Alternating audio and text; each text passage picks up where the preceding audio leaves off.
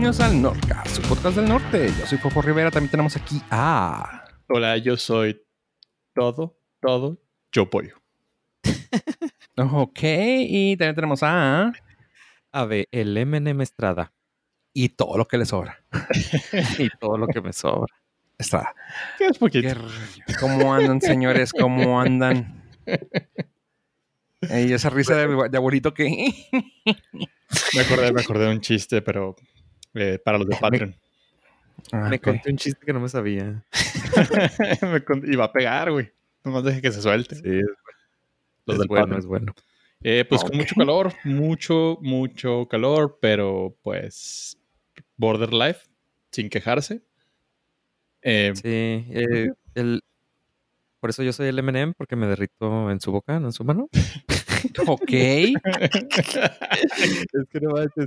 Me- Soy de los que piensa que una plática sobre el clima, pues no es plática. Pero hoy sí estuvo criminal. O sea, ya cuando llega a cierta temperatura. Esta ya semana, ¿no? Completa. es legal, o sea, ya es permitido, viene en la constitución, que puedes hablar del clima. Cuando estamos a 42 grados, ya cala.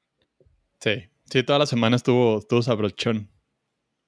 O sea, 42 o 43 incluso llegó, pero qué sensación térmica así de que 45, 44 y tú, fuck. Y los de Hermosillo riéndose. Eh, ingenuo, mexicali. Me, me río en 46. Me pongo el suéter en 43. Uy, estaba fresco en 42. Así como nosotros le tiramos bullying a, a los del interior, pues ya nos toca. A los de Chihuahua, Los de Chihuahua. A los de aquí cruzando la Gilotepec. Pero es que a los que les digas, o sea, cualquiera de los que les digas es, ok, pero a ver, ustedes tienen 45, pero tienen menos 20. O sea, y ahí es como, tenemos lo mejor o peor de los dos mundos, no sé si decirlo. Este es, es peor, pero Sí, o sea, es porque pues dices, no, es que tú te ríes a 46, Simón, pero ríete menos 20 a ver si es cierto. O sea, pues oye, Sí. oye, ¿Cuál es tenemos lo peor? Porque es el clima y el Nordcast. Ah, doblemente peor.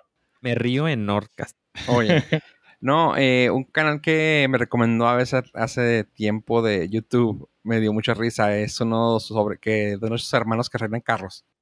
Pero me dio risa ahorita que estabas hablando del clima, que dicen, no, pues vamos a tener que esperar a pintar este carro porque pues está un poco caliente, estamos a 82 grados y pues tenemos que esperar a que baje un, poquito la temperatura y yo. No mames, 82 río. grados, güey. Me río en Nunca, 104. sí, nunca, nunca he sabido manejar Fahrenheit. Supongo que 82 es así como que no tanto. 29, algo así, no me acuerdo bien, pero sí fue una cosa así de que yo, no es nada. 86, A menos que- Fahrenheit. A menos que pintes carros. No, es que aún así sería 30 grados. 30, ah, hombre, 30 grados está, Ah, pero súper. Ajá, o sea, pero ellos así de que no, es que está caliente, tenemos que esperar. Yo, 30 grados, no manches, estaríamos a gusto. Pero está calientísimo para ellos. nu- nuestra primavera. O sea, sí, literal. sí andaría en canicas en, 40 en 30 grados, pero por gusto, no por calor. He andado en menos. En canicas, 30. tío. Ok, tío, gracias. En canicas, amigos. Sí, sí, ¿Cómo oye. dice, cómo dice la chaviza ahora? No sé, pero canicas se me hace bien, bien acá. Andaba en canicas. Oye, ta- aparte tengo rola. Como canica. Wow. Hijo. Somos, De aquí vamos para abajo ya. somos eh, personas de alto riesgo. güey. Cabrón. Con- Durísimo. Con eso Cabrón. queda claro y establecido que somos personas de alto riesgo. Y todos los que entendieron la referencia a la canción también lo son, así que cuídense un chingo. No salgan menos con este calor. Espérame, y hablan- hablando de cosas viejas, quiero saber, Pollo, antes de que, ya, antes de que, de- ¿cómo? Diva- divagamos más. ¿Qué pasó con los años maravillosos? Antes de que divague Más. o desvaríe, cualquiera de las dos. Sí, sí, justo. Ah, te- es una noticia que está políticamente correcta por los tiempos, pero no sé si somos el target de la misma manera que funcionó. ¿Se acuerdan de la serie de Los Años Maravillosos con Kevin, Winnie y... ¿Cómo se llamaba el Marilyn Manson? ¿Paul? Paul, ¿verdad? Ah, no recuerdo. No me acuerdo. Sí, creo que sí, creo que era Paul. Pues eh, fue una serie que salió en los ochentas y pues tuvo mucho éxito. porque reflejaba la vida a partir de 1968, o sea, dis- de 12, 13, 14 años atrás. Pero ahorita van a hacer el reboot, contando la versión de una familia afroamericana, pero igual de 1968. Y creo que ahí es donde está raro el, el tema. No está, está chido, o sea, el- que, que te pongan un- una versión de, de familias afroamericanas. Digo, ya tuvimos al príncipe del rap y todo. O sea, hay muchas comedias que funcionan bien. Pero siento que este es así como que medio forzadón. Y se me, se me afigura mucho como lo que sucedió en Family Guy, que sacaron a, a Cleveland, le hicieron su propio show, pero no funcionó. Siento que va por. Siento que puede llegar por ahí. ¿Sí, dale? No, que te decía que y luego tuvieron que correrlo ya para poderlo. Para, porque no podían trabajar alguien con una voz que no fuera de- realmente de alguien Aparte. de afrodescendiente.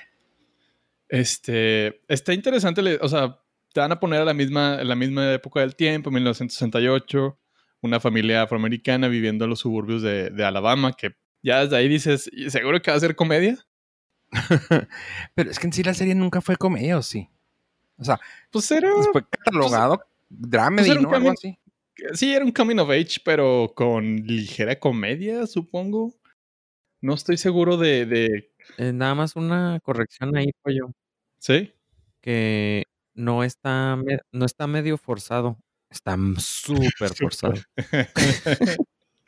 o sea, no, no, Esa es no, toda mi aportación. Sí, no- se me hace chida la idea, pero siento que de la forma en que lo están haciendo el pitch de es el reboot de los años maravillosos, la gente de entrada el- va a tener expectativas muy marcadas que es difícil de, de conseguir. Quizás si me hubieran dicho, pues es una historia, es un coming of age de cualquier cosa situada en los 60s, pero que no le metieras el- la carga del éxito de los años maravillosos, creo que le podría haber funcionado muchísimo mejor. Sí, pues claramente se están tomando el, se están colgando del nombre, porque todo el mundo va a reconocer los años maravillosos. Incluso si le meten una cancioncita parecida, con eso ya jalas dos que tres miradas, le dan chance y luego ya toman la decisión si la quieren seguir viendo o no. Simón, y hay otra cosa que creo que también entra en consideración que no lo están tomando en cuenta. Cuando salió, como decía, la, la historia eh, se ve, se iba hacia atrás 14, 15, 20 años, ponle. Pero ahorita te estás yendo 50 años, 60 años, como que tu target va a estar bien difícil de, de encontrar. Si hiciéramos un coming of age similar, tendría que ser una historia del 2000 para que tuviera el mismo impacto con las nuevas generaciones. Pero dices que no la van a hacer, la van a hacer de los 60, ¿verdad? 68 igual, situados en la, Mm. en la misma época. Y tampoco es como que puedas hacer un crossover, digo, ya los actores de Los Años Maravillosos ya están todos rufles. Y es cuando, ah, uy, apenas acaban de salir de la segregación.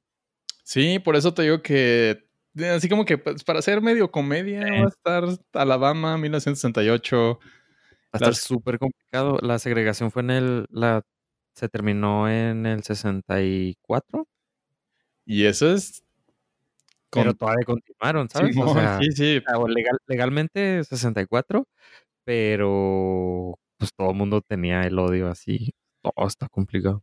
Y está padre, está muy fregón que toques esos temas, sobre todo en estos momentos con, con el Black Lives Matter y, y con todo el esfuerzo que se está haciendo. Pero no le pongas los años maravillosos. O sea, quítale, quítale ese, esa carga. Porque en realidad es una carga para la serie, no para, no para nosotros como espectadores. Es más, Sí. no le pongan los años maravillosos porque Sí, exactamente, No, no. Porque es muy difícil que lo logre. Eh, va a estar, ¿Cuándo va a estar basada? En la, en la época de la esclavitud. ¿Cómo se va a llamar? Los años maravillosos. O sea, güey, no mames, güey. O sea, sí, Por menos de eso, este, con justa razón están cancelando eh, Gun with the Wind. Porque precisamente hace, hace lo mismo, glorifica la esclavitud y, y ahorita los años maravillosos, la época de la segregación. Sí, está, está, está complejo, pero pues, pues buena suerte, muchachos. Ojalá les funcione todo muy bien. Mira, no es mi dinero. No, no, por, pero por mucho. Hay ¿Qué- muchas cosas que están cancelando, así que espero que les deseo suerte, pero no sé para dónde puedan irse, o sea, la verdad. La historia hacer, algo, algo así van a hacer los creadores de Game of Thrones, ¿no? No, los creadores, los que la HBO. grabaron. Sí, este Dumb and Dumber. Ah, ok. Y que, y que los cancelaron, ¿no? También, o sea, antes de que saliera. Creo que había algo Eh, así. A ellos les cancelaron Star Wars. Estuvo suave. Pero también la otra serie. No supe También serie. Me acuerdo mucho de Star Wars que les quitaron la trilogía. Y aún así el episodio 8 lastima, güey. Imagínate. Imagínate una trilogía del episodio, o sea, consecutivamente con la calidad del episodio 8, no, me muero. No, incluso el de Star Wars, incluso que ellos no lo hicieron, también el episodio 8 de Star Wars caló. A lo Sí. mejor el 8 es el maldito, Es el sí, puede ser la temporada 8. es el número. El nue- hay que escuchar nuestro episodio 8. A ver, Es cierto, fíjate que la, la de Rápido y Furioso 8 está bien mala, güey. y por ejemplo, Bebo 8, el BB-8 también es malito, güey. no tiene el mismo eh, flow que R2D2. Exactamente. Oye, ¿y dónde sacarán los nombres esos para empezar? O sea, los, nom- los nombres de los de los bots. ¿Nadie Eh, sabe? No. Pues depende en qué galaxias lo hicieron. El número de Porque luego, porque luego en el Mandalorian que le hace mucho hincapié a- al que al robot que se vuelve, ¿cómo se llama? A cazarrecompensas. El Bounty Hunter. Ajá, que dicen, mira, ese hace una referencia a D- D1120, creo que, no me acuerdo. Que salió acá en la barra y ahora es el bartender y quién sabe qué tanto. Y luego que el otro que salió atrás con el de, y tú, ah, órale. Y luego me pongo ¿y por qué tienen ese- esos nombres? O sea, al final del día, ¿por qué tienen esos nombres o esas nomenclaturas? Supongo que era fácil de, de recordar Oh. en algún punto. Para George Lucas, sobre todo. Ok. Oye, a ver, y hablando de robots, eh, ¿qué hay nuevo de Samsung? Claro que sí, mira, eh, te puedo informar sobre Samsung. Eh, suenas hacer como un- vendedor de televisión. porque vende robots. Samsung. Eh, eh, pues esta sección es patrocinada por Samsung. Anunció sí? un evento por el, A ver, el 5 de- Espérate, espérate. Siento que necesitamos cortinilla para eso entonces. Eso va en post. Ah, Porque nos la mandan a mandar ellos. ah, ok. No ha llegado, no ha llegado. Resulta que anunciaron un evento para el 5 de agosto donde todo lo que indica pues es que van a lanzar teléfonos. Hasta ahorita es lo que se sabe. Y el, el evento pues ya se liqueó lo que se va a anunciar. Salió el va a salir el Galaxy Note 20. 20. Ajá, yo creo le cambiaron, le empezaron a poner el nombre del año. El número del año. Sí. Con eso creo, no sé. Hay que esperar al 21 a ver si a ver. continuar la nomenclatura igual. Se liqueó el Samsung Galaxy Note 20, Ujú. que es la phablet, que es el teléfono tablet, así que el monstruoso, Sí. y el que explotaba, ¿se acuerdan? Ajá. Esperemos que este ya no. Y aunque pues explote, pues no, ya nadie vuela. Ah. Eh, no lo van a poder subir a los aviones porque no hay aviones. Ah, zoom, güey, bueno, tú zoom. y el, el Galaxy Flip Phone. ¿Se acuerdan el que se le dobla la pantalla? Ajá. Que parece StarTAC. También se liqueó. Entonces ese va a traer 5G. y el Galaxy Note 20 pues va a traer como cuatro cámaras y pues, está más grandote y traer 10G. Pues, cosas nuevas. 5G para que nadie lo pueda utilizar. Va a traer 10G, güey, para sacar los dos líquidos de las rodillas y darte doble COVID. Muy probablemente. Y te implante el microchip, güey. De nanobots. Ah, todo eso. Y eso es todo lo que se sabe hasta ahorita. También se liqueó, hablando de liqueaduras, ok. se liqueó la nueva bocina de Google Home, Ajá. la que es inteligente, la que le dices, oye, Google, préndeme las luces. Es una bocina un poquito más grande, pero está toda cubierta de, mm, de tela. Es, no es la de Juir, es otro tipo de tela. Hijo, güey, no, hombre. Inserte, inserte aquí. Falsas. Cucharazo de mezcla. Inserte sonidos de construcción. ¿Qué? Ah, un saludo al Caballo Rojas, Alfonso Sayas, Rafael Inclán. La, que la época de, de buena comedia, ¿verdad? Como decían. Exactamente, la comedia blanca. Cuando la televisión nos educaba. Exactamente. Cuando tenías que comprar una ficha para bailar. Chinga. Ay, que ahorita tiempos, ahorita tienes que comprar que una botella, una, una bebida. Ok, abuelo. Antes eran fichas. Está chido, porque si no tomas, ¿qué, le- qué compras? Pues, ¿Eh? ¿Eh? No, No, sí. sé. Digo, no conozco muchas personas que no tomen en esos lugares. Es lo que estaba pensando. Porque supuestamente tiene que haber el conductor resignado, pero es el más- que sale más pedo. Pues sí, pero por ejemplo, supongamos así, imagínate, que alguien está enfermo del riñón, no sé, tuvo una piedra. Y pues ya no toma bebidas alcohólicas. ¿Qué hace? Pues no va, güey. No va. No le invitan, güey. O sea, se llama Uber, güey. Ah, bueno, eso sí. Ah, mira, te sales ganando. Sí, pues un Ya dinerito. te llevas, tu- sí. mm, lo voy a pensar. Sí, donde unos ven desgracia, otros ven oportunidad, güey. Exactamente, la basura de unos. Oye, a ver. Y tú que me, ahorita que dijiste que ya no había aviones, me quedé pensando, Ave, en, pero sí hay camiones, güey, así que sí se puede subir ese a un Greyhound, por ejemplo. Ay, los Greyhound, qué bonitos. Muy recuerdos. bonitos. Sí, Hablando de los Greyhound. un sabueso gris. sí, el sabueso gris. Sí. Hace tiempo les habíamos platicado aquí en su podcast de confianza sobre la película que iba a estrenar, En Apple. la, la Apple.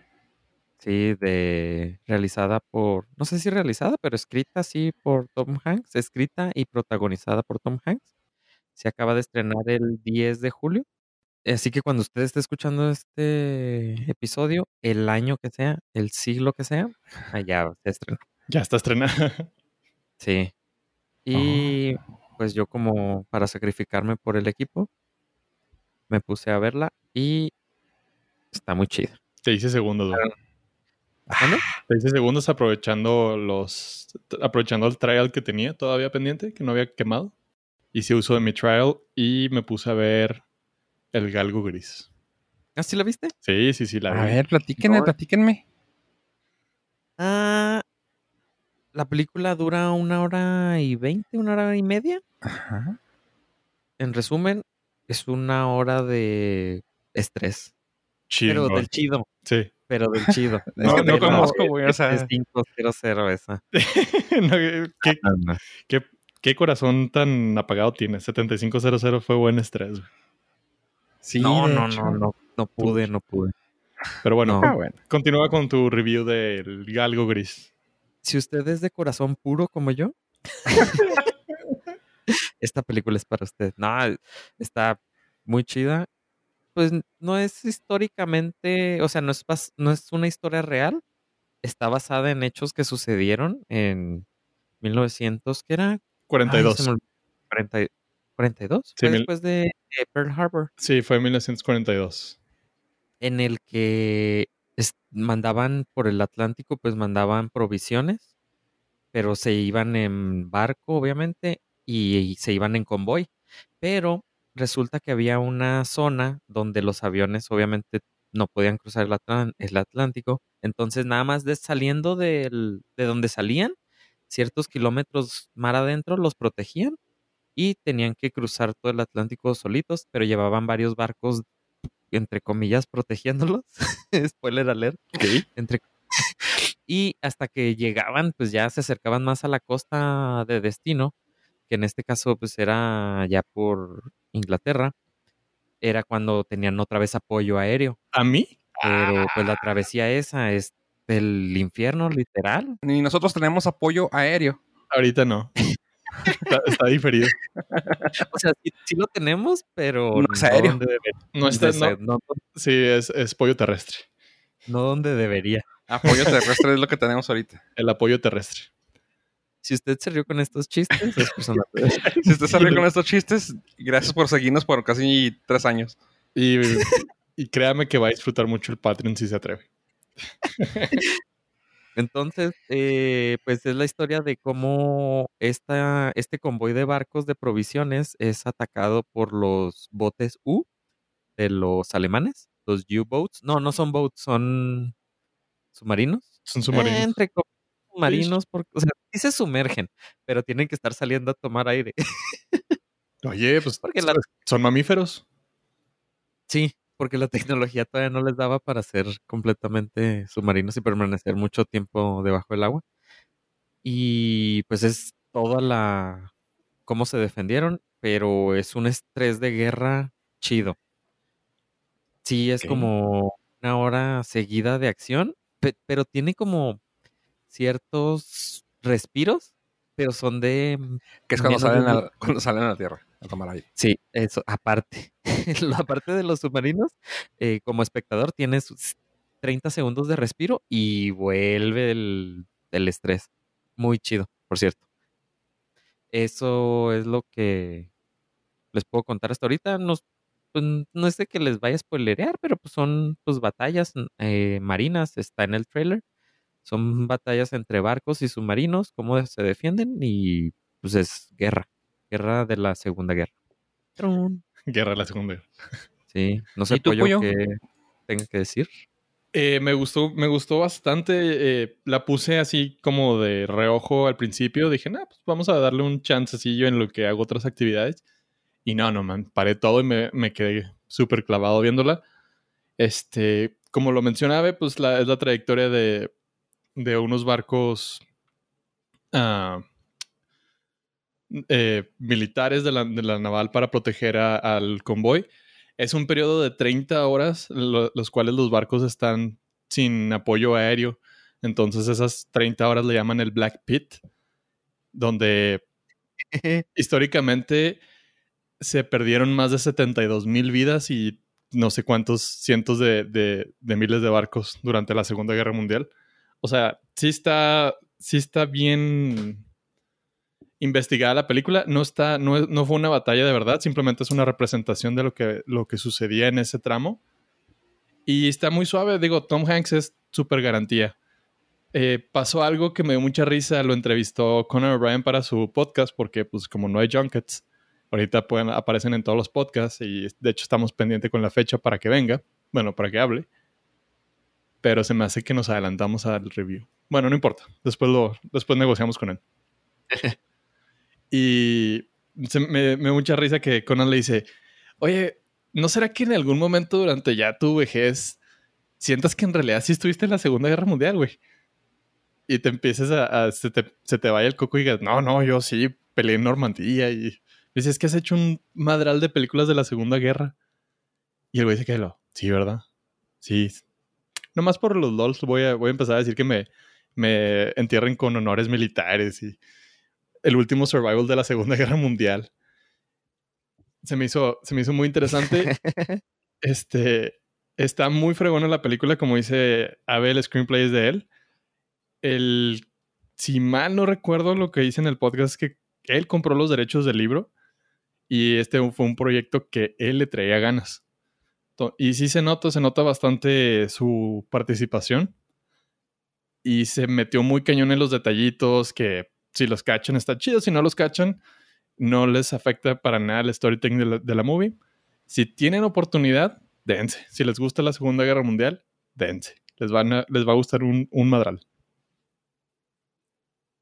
Sí, como dato curioso, bueno, no como dato curioso, más bien, creo yo que es la mezcla, es la, es la, es el, la película Greyhound, es el hijo que tuvieron salvando el, al, Soldado. Ryan. al soldado Ryan y Captain Phillips. Sí. Las películas de Tom Hanks, Captain Phillips, que es ahí sobre el secuestro que hubo ahí en, Somalia. de un en Somalia y solda- salvando al soldado Ryan. Es eso. Ok, chido. ¿Y cuántos nos- norcas le das tú, Ave? Ah, unos nueve. De 100. Oh, qué chica. Sí, No, 9 de 10, sí está muy chida. ¿Y tú, Eh, Pocho? Le doy 6 de 5. Ah, qué. No, sí, sí le doy sus nueve norcastitos. A mí me gustan mucho las películas de la Segunda Guerra y Tom Hanks es súper garantía. No, no hay pierde. Sí, un detalle que hubo en la semana antes del estreno es de que en una entrevista, no recuerdo quién se la hizo, pero dijo Tom Hanks, ay, me, pues me siento mal de que se estrene en Apple TV y no en cines. Ah. Entonces todo el mundo lo tomó a mal. Incluso yo dije, ay, sí, uy, perdón, señor millonario que le pagaron por su película. Está muy triste porque se estrena en Apple TV. Perdón, le debemos. Pero ahora que vi la película ya vi a qué se refiere. O sea, la película está, o sea, visualmente está tan chida que si no se le está haciendo justicia exactamente a verla en el, en el teléfono como la vi yo. Es la primer película que he visto que realmente digo, le perdí. O sea, me- esta película realmente sí me hubiera gustado verla en el cine. Simón, sí, Es- me pasó exactamente lo mismo. ¿Es la Sí. primera apoyo, neta? Eh, que, vi en la, que vi primero en la pantalla chica, antes de, de verla, que deseé verla. En la pantalla grande, sí. Ah. Sí, porque por ejemplo está Star Wars, pero estaba muy chiquito, güey, no. Y cuando se tuvo la oportunidad, pues estuve ahí. Este se me hace como Dunkirk, pero interesante. No como ¿Dunkirk Nolan. si la viste en el cine o la viste Sí, en...? no, sí la vi en el cine. Y el audio valió la pena, pero la película no, a mí no se me hace chida. El audio está increíble. El audio te- visual, lo visual y, la, y el sonido, sí. se me pero sí, hizo, pero el se- tema se tal me vez no. aburrida. Se me hizo aburrida, se me hizo repetitiva. Este, en el, en, en mi punto de vista, el- nada más por hacerle la mamada, Nolan extendió demasiado la película y no pasaba nada. Pero en esta sí está bien, en- o sea, te mantiene el filo del, del sillón, De porque tu sillón. sí, de, tu, No. de tu silla de comedor. Ah, es más, pues, tienes la oportunidad de que te mantengas hasta en la taza del baño, güey, si quieres. ponle, ponle, Sí. ponle colchonito, güey, a tu, a tu colchón, güey. Al filo de tu colchón. al filo. Y este, es, esta sí realmente me hubiera encantado verla en el cine. Tenía todo el potencial de, de ser una muy buena película de cine. O sea, los dos dicen que 9 de 10. Está, 9 de 10, Está, buena. ¿Y, y cuánto anda en los tomatómetros y en los IMDBs? Pues en la mañana andaba en 7, pero tenía 500, am, Views. 500 votos en IMDB. Andaba en, perdón, andaba, sí, andaba en 7. Ahorita no sé en qué 7.2 Ya. subió, un poquito. sub, ¿sí? Ah, pero ya tiene 2000, o sea, ya es más sólido Ok. el 7. ¿Y tomatómetros? Sí, no, no, no. no dice nada? Eh, te digo No un sé, segundo. No me importa. Está, ya- Este, 78 de crítica y 79 de audiencia. Mm, está bien. Está Aprobada. estable. O sea, me gusta que todo está como que ah, en el margen de 7. O sea, está chido. Sí, Tengo miedo que la cancelen esta película porque aunque cumple la cuota, por ejemplo, tiene una una mujer, tiene una persona afrodescendiente, tiene nazis, tiene alemanes que diga, pero la el afrodescendiente, sí, el afrodescendiente me preocupa que como es este de la servidumbre, de los de la cocina, lo vayan a cancelar porque no no está correcto eso, que los pongan en ese tipo de trabajo. Pues sí, es de la Pero- época que tampoco pueden, tampoco se pueden salir de, de lo que No, era. no, no, pero no me parece correcto, no, no. Ok. A ver si no la cancelan, porque está mal eso. Y luego, porque, y luego porque es Greyhound y no es Black, Blackhound. Ah, exactamente. No, no, sí está mal. No, ya, ya he entendido por dónde vas esto. O sea, sí está cabrón. Bueno, Sí. oye, estoy viendo que esta semana estuvo bien, bien cargada en cosas que nos. Bueno, para empezar, nos faltó la semana pasada que todos viéramos Hamilton. Y esa semana se estrenaron muchas cosas. Entre tantas, pues la que tú acabas de decir. Pues yo creo que también se aventó algo sobre el Walter Mercado. Y yo me aventé dos cosillas que quiero también platicar. Así que mejor vamos a dar rápido las notas para luego de- desquitarnos con todo lo que vimos. Me Así pareció que- muy bien. Pollito, ¿tú traes algo triste sobre una güerita que hace brujería? Híjole, güey, sí, sí me pudo, ¿eh? Sí me pudo A mí porque también me, me agüitó. No lo sabía, güey. O sea, lo, lo voy leyendo contigo y quiero que la dé dé la nota. estaba, realmente estaba comprometido con el proyecto. Lo que he escuchado es que ellos también. ¿Qué es? y, y, pues Netflix hizo lo que siempre hace y nos cancela las flipantes aventuras de Sabrina, la bruja adolescente diabólica. Mutante. Mutante.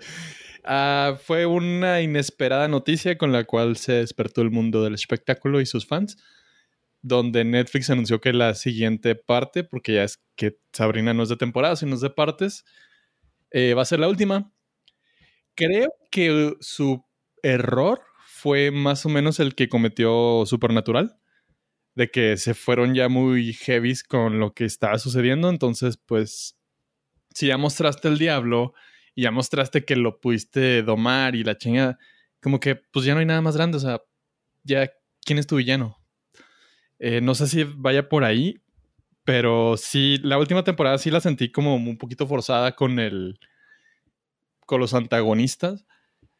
Y pues qué lástima porque realmente estaba suave la, la, la serie, estaba muy original y pues nos vamos a quedar con el, el ardiente deseo de verlos el crossover con Riverdale.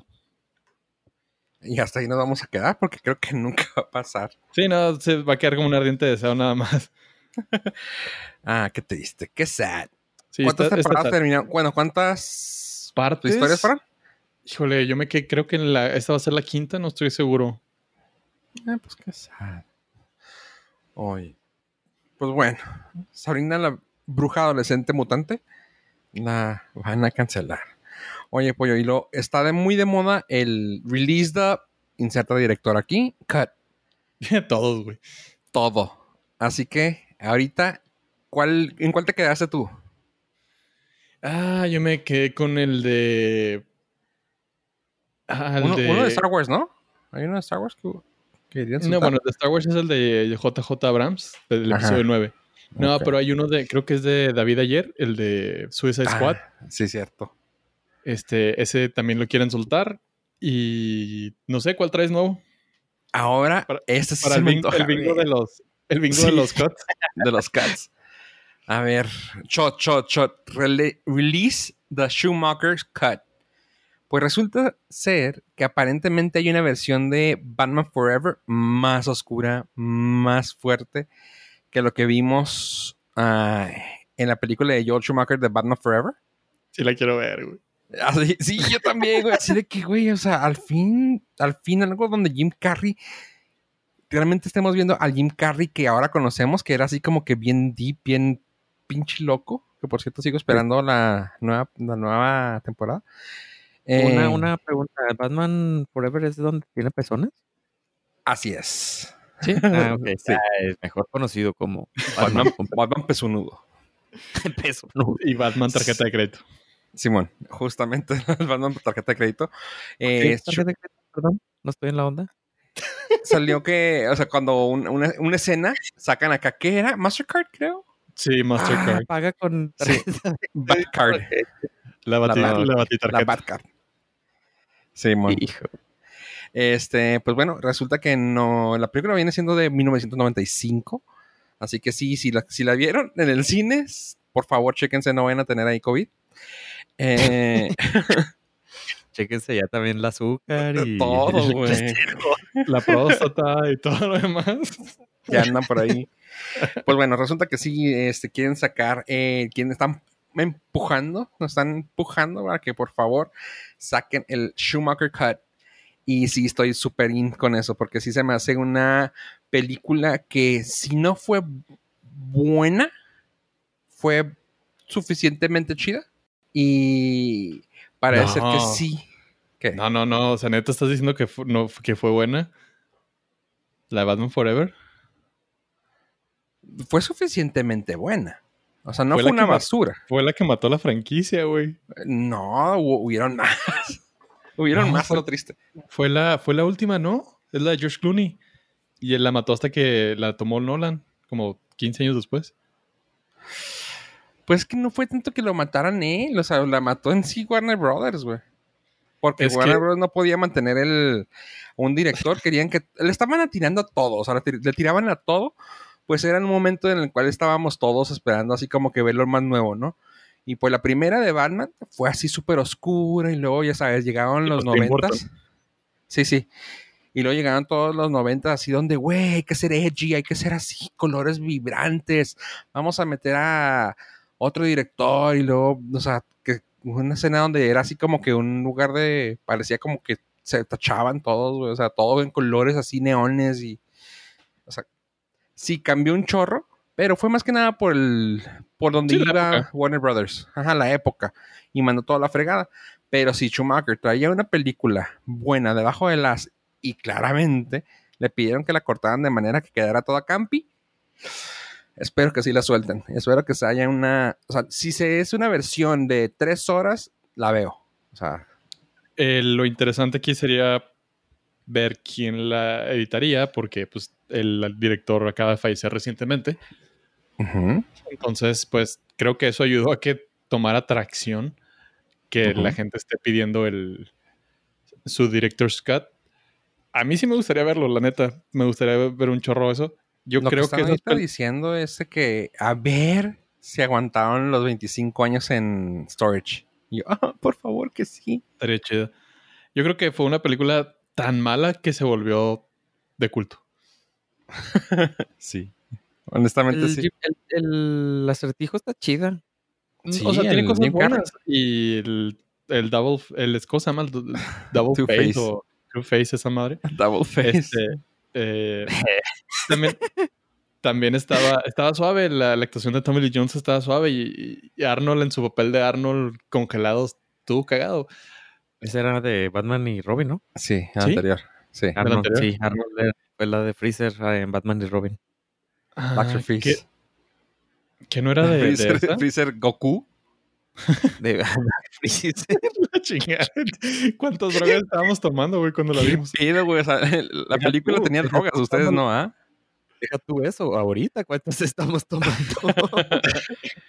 Bueno, Pero ahorita por los se 40 llama años. este, omeprazol, ahorita se llama ran- ranitidina. Sí. en teoría son drogas. Sí, Sí, sí, sí. La- Que la E te dice que no. Cuando cruzas el charco, ¿a dónde vas? A la drugstore. A la drugstore. A la droguería. droguería. La droguería está. Oigan, chavos, y algo que está ahorita haciendo mucho ruido, aparte de los, de los cuts de directores, es un director que hizo, mm, hmm, pues, ¿cómo se podría decir? Hizo noticia, o sea, noticia y tal vez incluso hasta historia. Pues ahí les va. El director que escribió, escribió y dirigió la, pues, Euforia, Euforia donde salió Zendaya, eh, con inspiración de parte de la actriz Zendaya, quien en plena pandemia le dijo, oye, güey, así de compa, oye, güey, ¿qué pedo? ¿Qué estás haciendo? No, aquí nomás. Oye, ¿qué rollo? ¿Te avientas una peliculilla ahí, la escribes y la, dirigim- la diriges y pues nos aventamos algo ahorita, ahorita durante- la pandemia, ¿no? Estábamos medio de huevo ahorita. Sobres. Así que durante la pandemia, Zendaya, el director Sam Levinson, Levinson y eh, la coestrella de Zendaya que viene siendo John David Washington, el hijo de eh, George Washington. Ah, no. Eh, Ok, está muy, muy largo Bueno, el legado. Sí, no, no, no, voy a decir el nombre del papá, güey. Más que nada porque pues oye así como que el hijo de nada. John David Washington, Zendaya y el director Sam Levinson van a, van a sacar una película. Y lo canijo de esto es de que la película se filmó en plena pandemia, chavos. Y eso está causando así mucho revuelo, pues fue la primera película que sale con esto. Ya, es, ya habíamos hablado nosotros anteriormente de que ah, tu compa, el Tom Cruise, quería hacer una. Luego, ¿qué otra habían dicho? No, pues todos quieren. No, no, pero que ya habían dicho como que habían dos que ya se querían filmar de, de manera, ¿no? Ya empezaron, de hecho, varias grabaciones. Inclusive empezó Jurassic World 3. Pero de las que dijimos, que me acuerdo que este güey se quería ir a grabar a- en una ciudad que no hubiera todo, que fue Sí, Tom Misión Cruise, y- Imposible. Ajá. Y luego que se quería aventar también algo de irse al espacio para dejar a todos aquí que se murieran, la chingada. También fue este Eh. güey, ¿verdad? Ese es, eh, ese es Tom Cruise el cualquier domingo. Sí, pues bueno. Bueno, la, la cosa es de que ellos lo filmaron en plena pandemia y la forma en que lo hicieron fue una cosa muy rara. Eh, voy a dejar el, el link en esta parte para que vean todos los métodos que hicieron. Pero entre tantas cosas es de que se hicieron, los actores hicieron estudios antes, durante y después. Eh, manejaron que todo el crew se hicieran cosas, se hicieran los estudios, eh, los que tenían que estar juntos eh, hicieron cuarentena juntos, hicieron pasos muy, pues quieren decirlo de cierta manera, obvios que tenían que llevar. Y aparte, por ejemplo, todos los que manejaban la comida, ah, manejaron la cuarentena junto con ellos para que pues, no, salieran ni entraran. Eh, los que tenían que salir del set se ponían todo su PPE para entrar y para salir del lugar. O sea, era, era algo que estaba bien chido. Como sea, voy a dejar la liga aquí para que vean todo lo que se hizo. Y pues parece ser que va a estar en unos, en unos par de meses.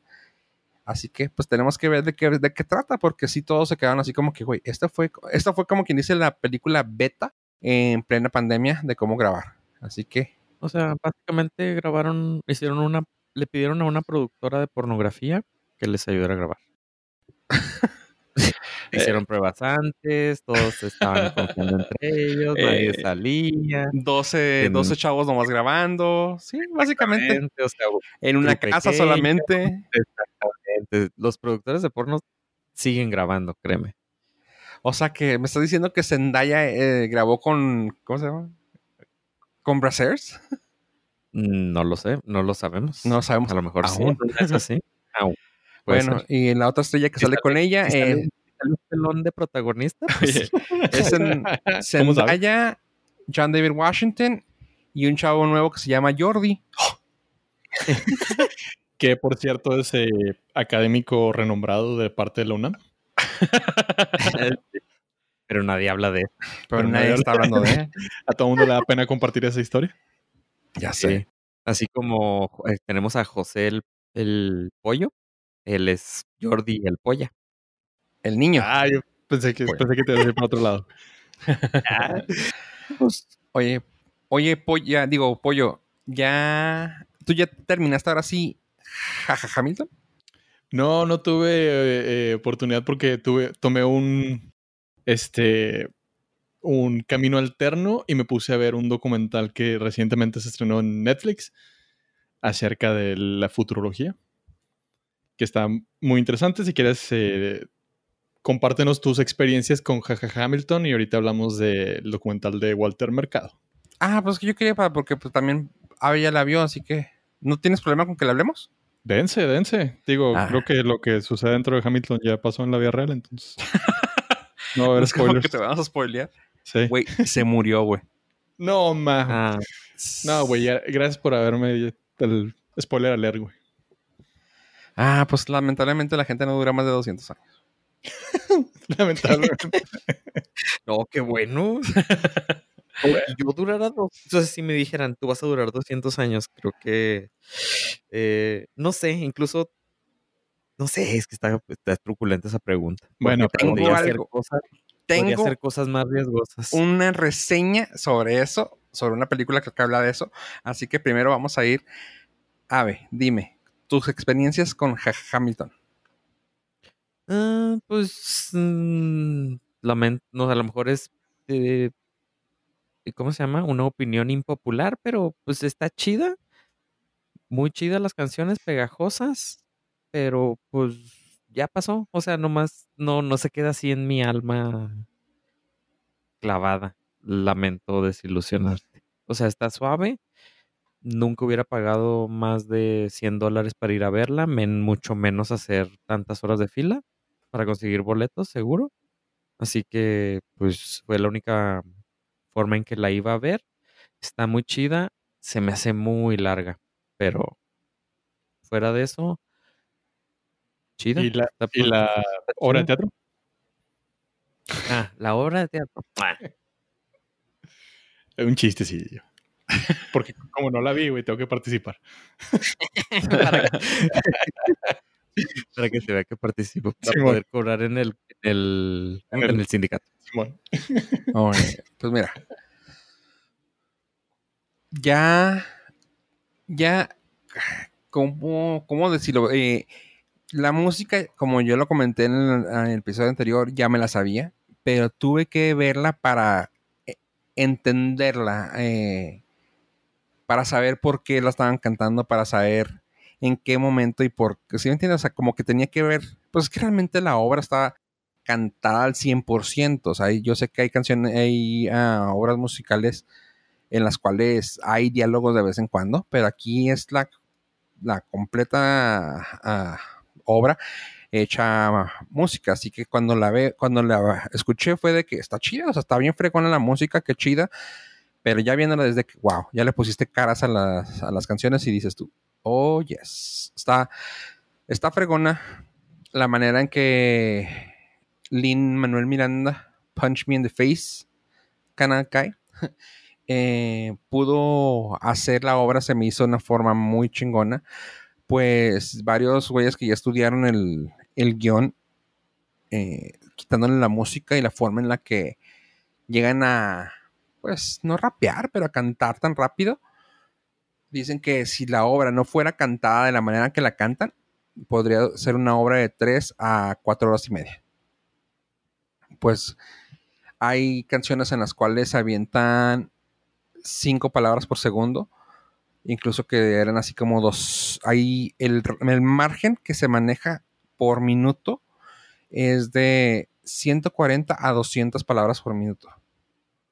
Así que dicen, está súper bien manejada para que la película dure, para que la obra, perdón, dure lo que dura.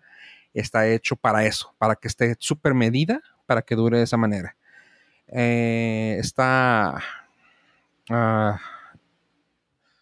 ay, no me acuerdo, perdón. Una, una de las chavas que cantan tiene una de las canciones más rápidas que hay.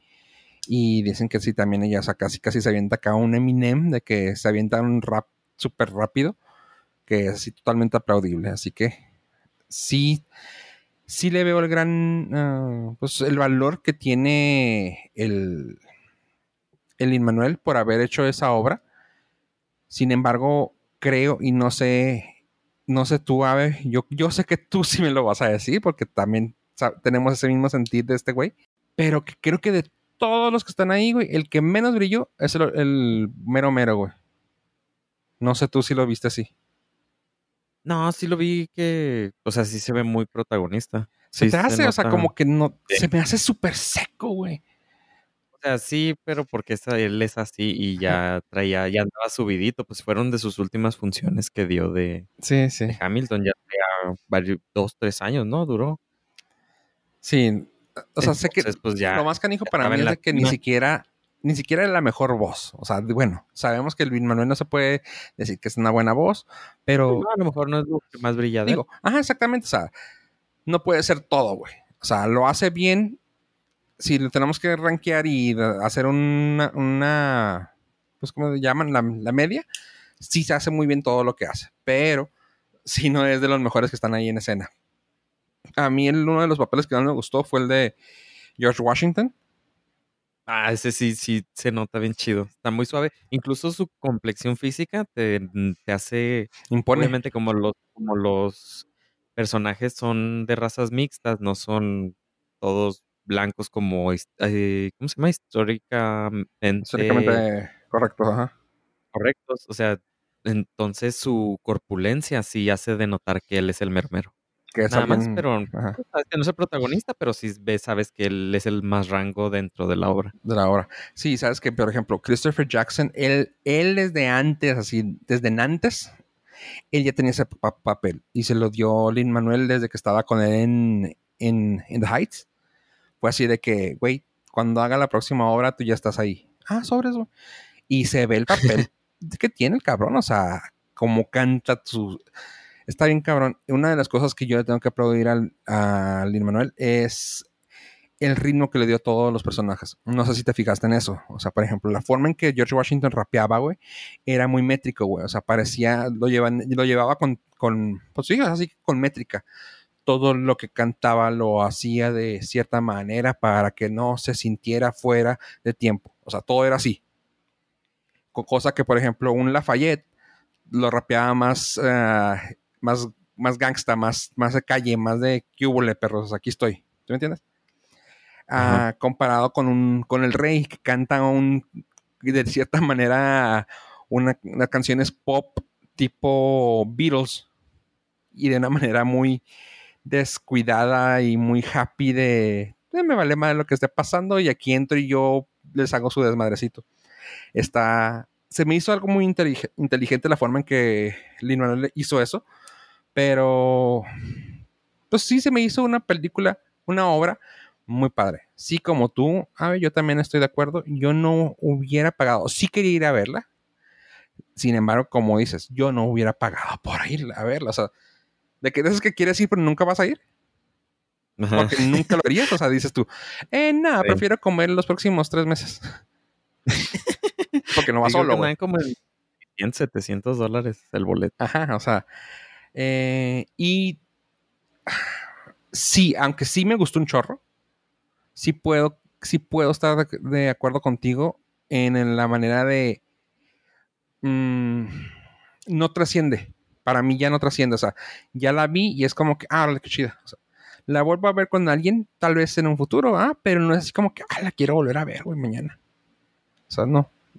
Sí, no. Está, a mí se me hizo muy tediosa. Está muy suave, sí, todo, de principio a fin, pero sí está tedioso. después de verla, empecé a estudiar más sobre Lin Manuel, más sobre la obra y muchas cosas que uno, pues, que, que la historia, ya sabes, ¿no?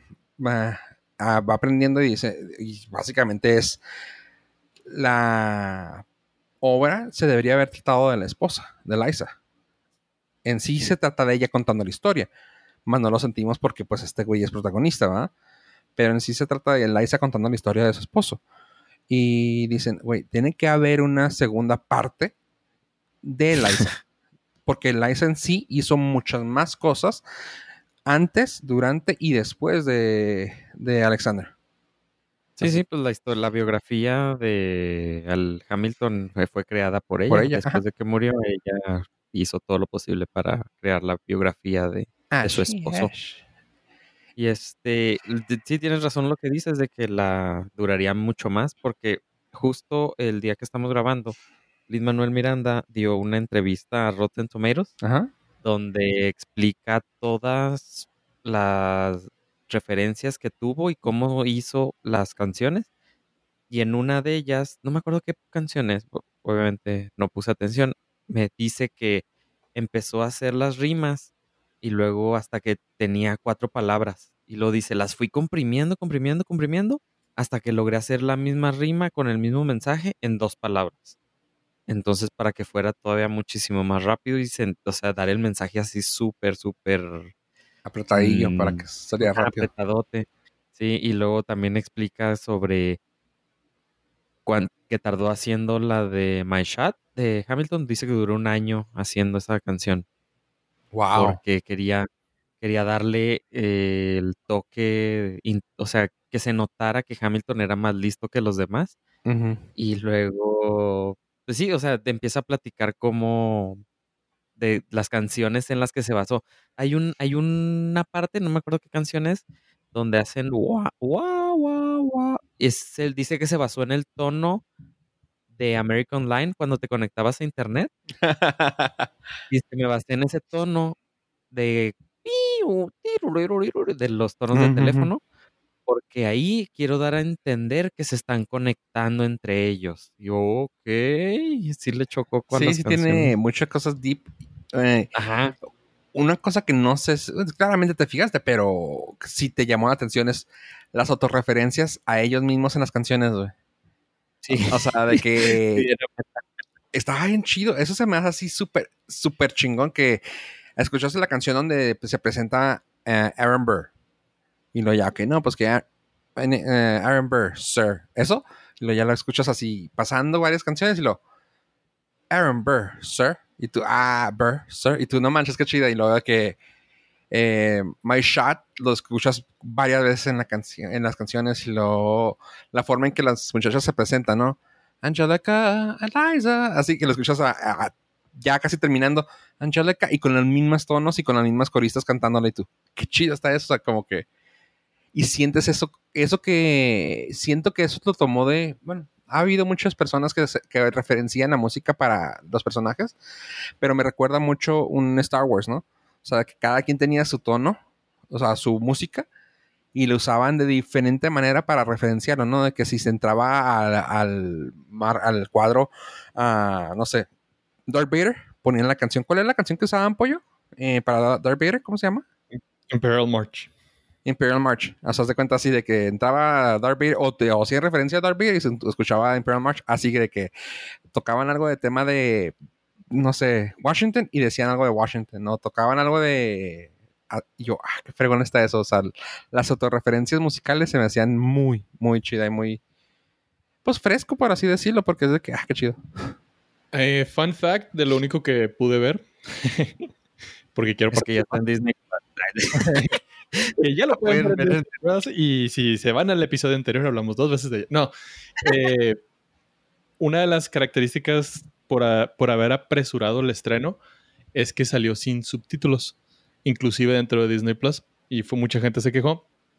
Entonces, eh, como dicen, como, como, han estado escuchando estos últimos minutos a mis compañeros, colegas, colaboradores, amigos, me sentía, me sentía de la micha.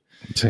Eh, hablan demasiado rápido, inclusive una de las cosas que me orilló a no verla hasta que tuviera subtítulos es que pues, me perdía palabras, me perdía frases completas por la misma velocidad del, de la rima.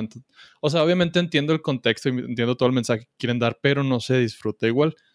Y tardaron como siete, ocho días en que Disney sacara los subtítulos para, para Jaja Hamilton. Si la buscan ahorita, ya la van a encontrar.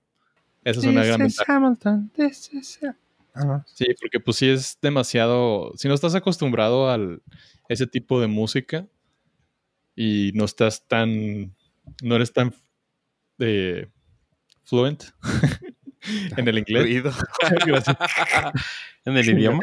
En el idioma. Este, pues sí te pueden ir bastantes eh, frases y palabras por la misma velocidad del flow.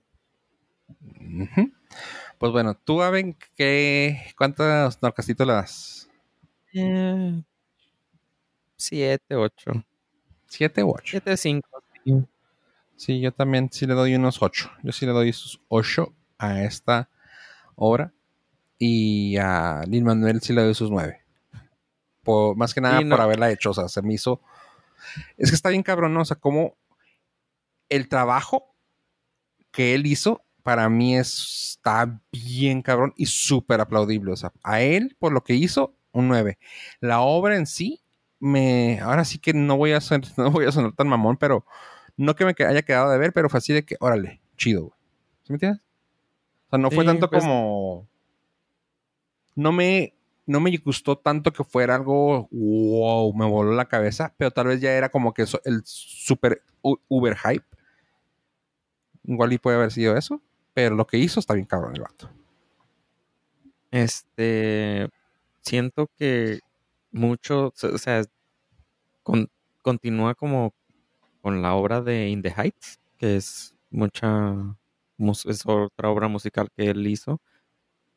Y este, pues sí, también metió rap y canciones ahí latinas, pero pues sí, aquí se, obviamente ya con toda la experiencia que tuvo en esa obra, se, sí se supera, entonces sí se nota por eso yo creo que tuvo tan más éxito, más, porque incluso la obra anterior. Sí, en The Heights no, no fue tan.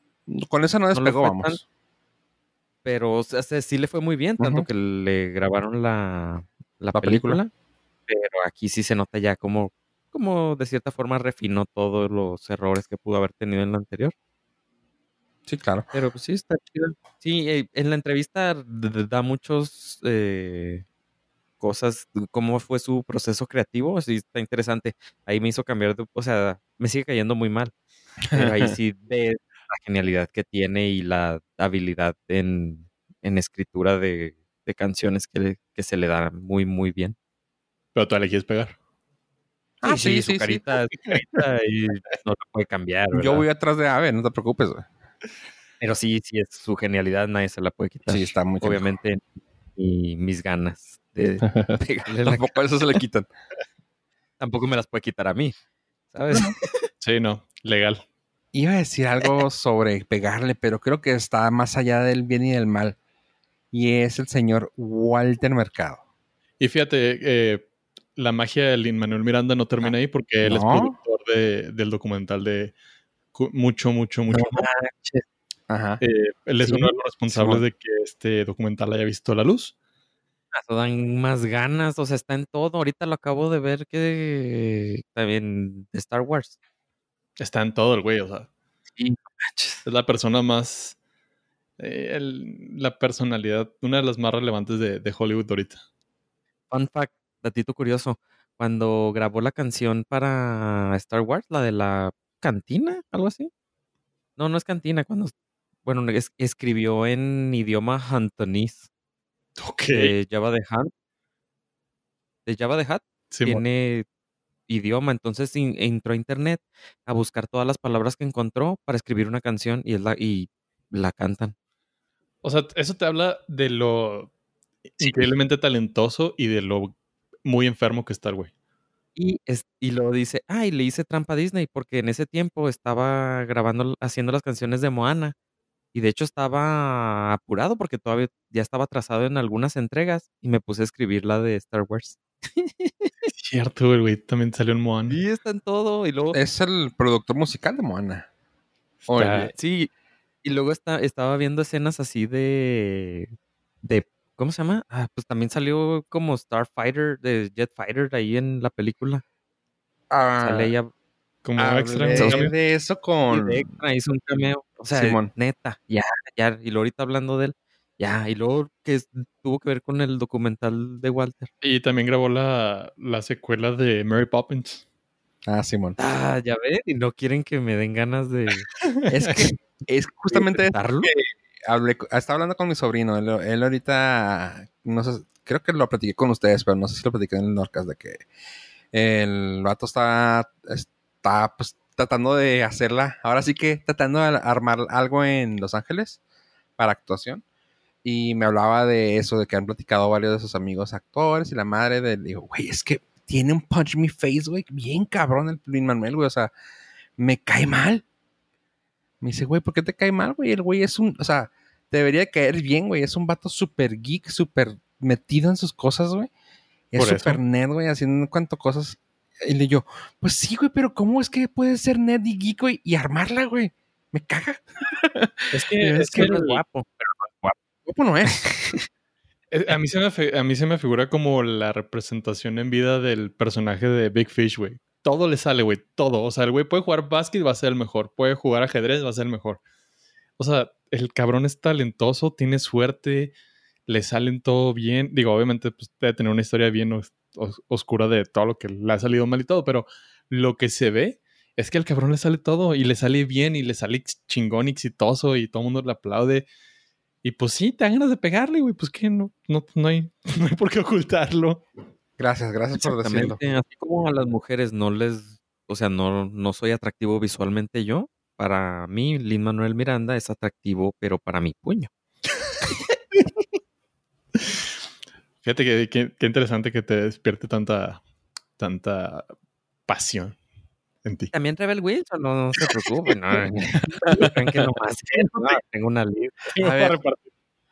parejo. Bueno, hablando de Luis Manuel, ¿por qué dices tú que, que fue, que le metió mano a Walter Mercado? O sea, ¿por qué, por qué se interesó en esa vida el señor Manuel Miranda?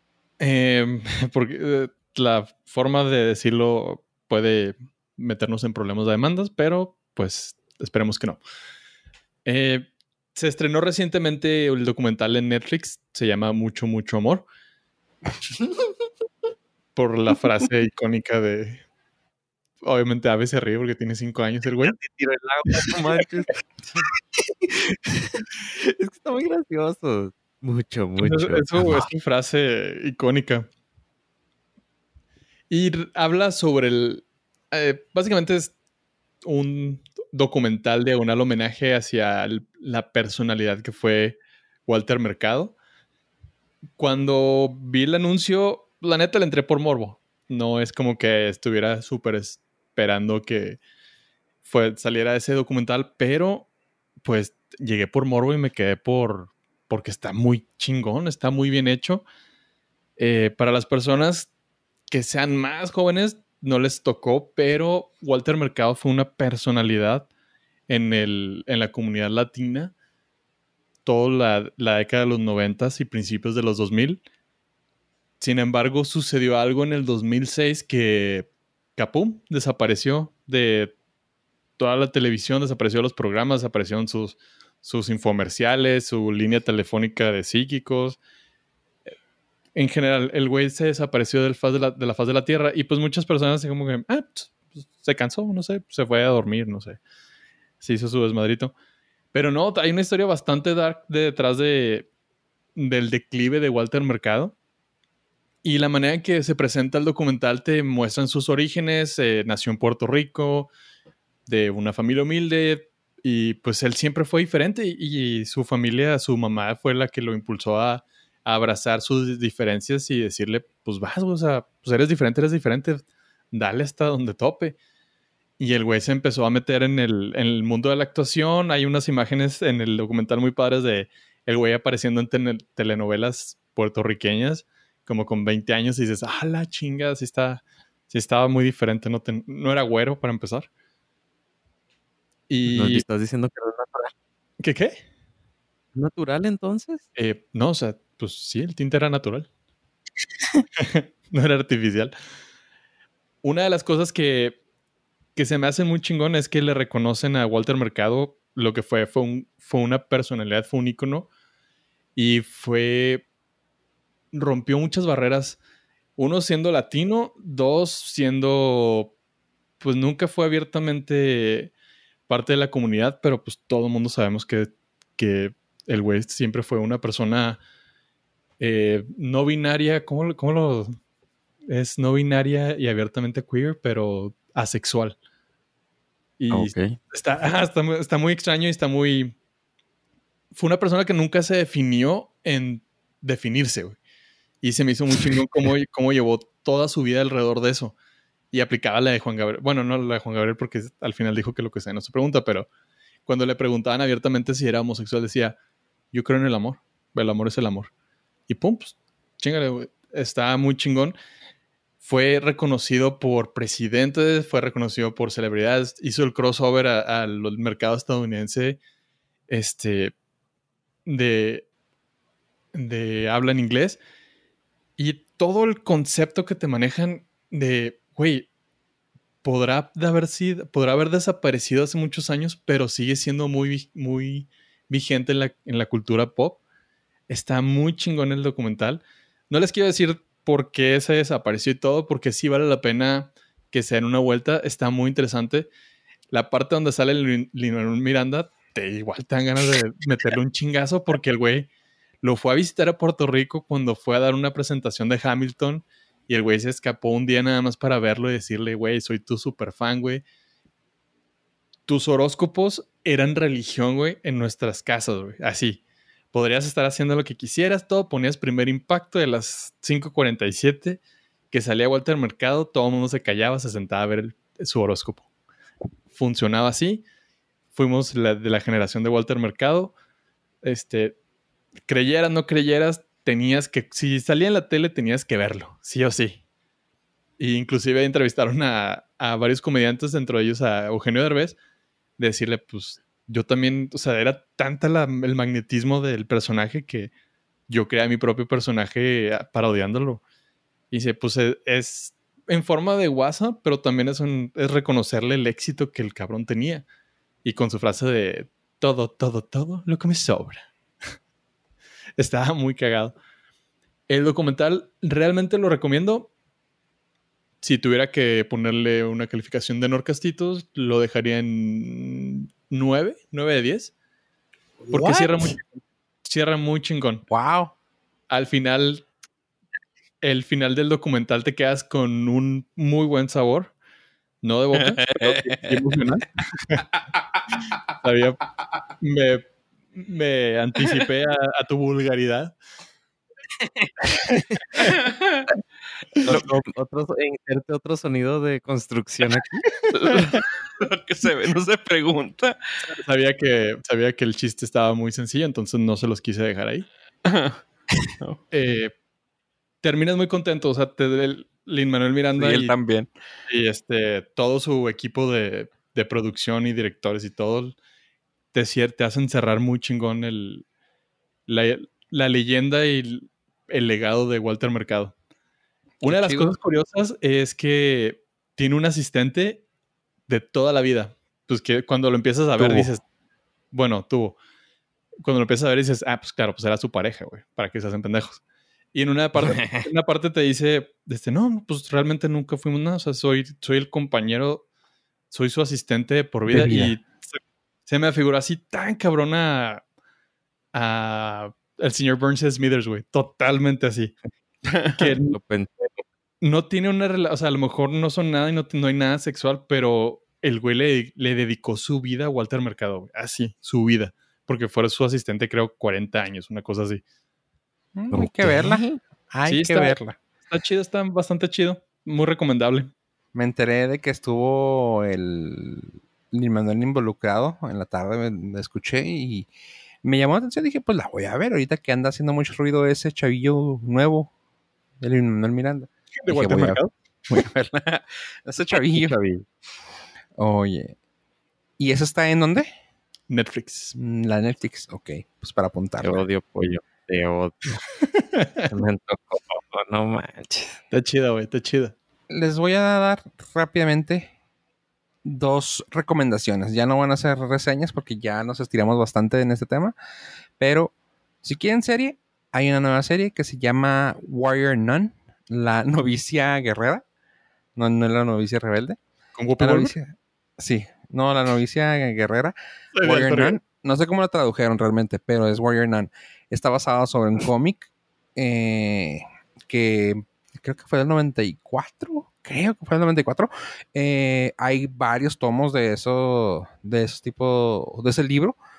Son, ¿cómo se llaman? Novelas rápidas, porque son como, creo que son de, de cada arco, son como seis tomos, so- seis cómics. Sin embargo, está basada sobre uno nuevo, por lo cual, aunque hayas leído los cómics anteriores, este es algo nuevo. Está suave, trata... pues, está padre. No se las quiero reseñar. Creo que si la quieren ver, tienen chance de ver una serie nueva. Está suave. Tiene... El cast es casi el... La principal es mujer. va- Vaya, pues es novicia. Eh, pero pues está padre porque está enfocado mucho en mujeres y en... Pues ahora sí que no quiero decir en el empoderamiento, pues la, una doctrina de, monjas, pues tampoco es como que algo muy positivo, pero está padre, está chida, la pueden ver, está en Netflix. La otra que sí quiero hablar un poquito más es la película nueva de Charlize Theron, que estrenó este fin de semana, que se llama La vieja guarda, guardia o The Old Guard, también basada en cómic. Y es lo que quería hablar ahorita que dijiste tú de que vivir 200 años. Pues esta, esta película, en resumen, no reseña, en resumen, es. Hay personas en el mundo las cuales se dan cuenta que no pueden morir. Es, es como un tipo ah, Highlander. También, si, si saben de esa referencia, vayan a checarse. Eh, y esas personas son contadas, o sea, son como 6, 7 personas en el mundo que saben que existen por medio de sueños. La primera persona que se reveló que era inmortal era una persona, y en este caso es esta, esta Charlize y no les voy a decir desde cuándo, pero es una persona muy vieja que estuvo durante siglos sola, sola como inmortal, vamos. Ah, sale otra persona y así se empiezan a encontrar soñando sobre, ah, ok, esta, señora, esta persona la soñé, parece como del medievo, parece que de este, no sé, del Medio Oriente, se va para allá y buscas la persona, la encuentras y así. Y así se van por varios. Y lo padre es de que alcanzas a ver y las pláticas así que son así de que, no, yo estaba en las, yo estaba en la conquista, no, yo estaba con Napoleón, ah, no manches, sí, y así. Eh, lo padre de esto es de que como algunos papeles se han hecho basados en, un actor o en una actriz, este igual, la vieja guardia, la The Old Guard, está basada la actriz principal en Charlize Theron. El primer cómic se parecía levemente. La segunda, la segunda tirada que aventaron era totalmente Charlize Theron. Pero, o sea, era así de que "Ah, se parece un chorro la primera. Y a la segunda dijeron, no, es que sí, es que ya fue basada en ella y ya tenemos la película confirmada. Y por eso estamos sacando esta nueva versión. Pues bueno, la película tiene escenas de acción bien fregonas, dignas de un, eh, no voy a decir que de un John Wick, pero las típicas escenas de acción ahora nuevas, que son así de que tratando de hacer una sola toma, en close quarters, eh, pistolas, navajas, cuchillos, todo. Eh, está fregona, se las recomiendo ampliamente. Tienen a Charlize Theron y hmm, quiero recordar a alguien más famoso, pero no me acuerdo cómo se llama esta persona, que era el ayudante compasistente de Doctor Strange. No el, no el, no el personaje que se queda con él, sino que se vuelve malo en la, en la película de Doctor Strange. No, pues ahí sí te la de. Sé quién, visualmente sé quién es, pero no tengo idea cómo se llama. Sí, uh, afrodescendiente, como diría. Ah. Bueno, la cosa es de que sí, el. Déjate digo. Chihuetel. Eh, hijo de su madre, no voy a hacer carro a su nombre. Pero bueno, su nombre se llama Chihuetel. El, el, apellido no sé cómo se, cómo se dice. Ejiofor. Pero bueno, él es el que la hace de. Pues tiene un papel ahí. De los dos importantes son ellos dos, o sea, Charlize Theron y él. Eh, sale también un vato que mm, es que ustedes no se van a acordar porque sé que casi no toman en cuenta eso. ¿Se acuerdan de la película de Desesperado del mariachi? No. Ya sabía. Ah, sí. Bueno, no. que, bueno, me acuerdo de ciertas escenas. Bueno, pues sale ahí alguien que no se van a acordar, pero. Eh, eh, en sí, la ¿Salma película. Hayek? No, no. En sí la película está suave. Eh, tiene para dónde más irse, aunque fuera, aunque de, pueda desvariar del cómic, pues esto es. Contaron una película completa, todo el cómic, y se me hizo bien fregón que pudieran hacer eso. Porque aparte, como les dije, en los cómics también son cortos, pero lograron meter todo en una película y quedó bien fregona. Me gustó mucho la actuación de Charlize, a pesar de que, pues, le siguen dando escenas de acción cuando, cuando pues, tiene años ya haciendo escenas de acción que dices tú, güey, qué chido. ¿Cómo se llama la que hizo la de los zombies, la de Resident Evil, pollo? La de Mila Jovovich. Mila, Mila Jovovich. O sea, tantos años que sí que la he hecho que dices tú, güey, ojalá siga, siga haciéndolo de por vida. Así estoy ahorita yo también con Charlize Theron. Eh, tiene una presencia en cámara que es de que, wow, qué fregón que puedas partir madres tan chido. Así que mi recomendación son esas dos. Warrior Bueno, Nun esa, ya- y The Old Guard. eh, esa como ya fue reseña, ¿cuál es Eso tu sí. nor- Norcastitos? Eh, The Old Guard, si la pueden ver, chequenla. Yo le doy a esa película, como la esperé mucho, 7.5, casi 8. 7.5. Sí está, sí está watchable. Ujú, 7.5. Bambi. Bambi. Totalmente recomendable. ¿No vieron cuánto está en, en los tomatómetros? No. Mi MDB andaba en eso tarde. Sí. No sé cuánto. eh, sí. The Old, Old Guard. Anda en 6.8. Mira, ya bajó. Ya abajo. Ah, Sí, andaba de en 7.3 a mediodía que la vi, ujú. pero pues ya bajó. Ah, 6.8. Eh, pero pues bueno, sí está, sí está watchable, así que se recomienda, chavos. Ay, ¿Algo más que quieren ofrecer a este lindo podcast? Eh, Ah, deja- déjame- muchas antes de que- gracias. Antes de No, continuar, ya no, entonces- déjate digo. Ya, ya no frase. gracias a nadie. Nadie de gracias. Adiós todos. Pollo, espérate. Una frase que se me hizo bien fregona, que no venía en el cómic. Eh, nomás se me hizo bien chida. Pues, como les dije, eh, Charlize Theron es una de las de los inmortales más viejos que ha habido. Y ya sabes, ¿no? Cuando le dicen, ¿y ella qué hace? ¿O qué onda? ¿Qué pe-?" o sea, va, nomás te dicen, y la frase se me hizo bien fregona. Esa mujer ha olvidado más maneras de matar hombres que armies, que ejércitos enteros jamás, jamás aprenderán. Y tú, ¡ah, la madre! Se me hizo chida. En inglés suena, suena- suena más profundo, pero así como que en español suena medio puñetas, pero en español, en inglés es de que That woman has forgotten more ways to kill men than entire armies will ever learn. Y yo, ¡oh! Está bien chido eso. Pero bueno, nomás quería decir, está, chido. Muy bien. Estoy esperando a ver si no te acuerdas de otra cosa, güey. No, no, ya, ya, adelante. Ya. Ay, oí- oílo.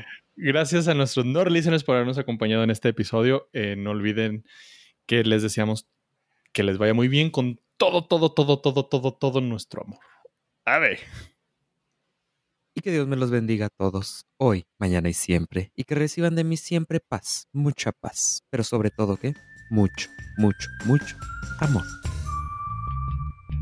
Bye.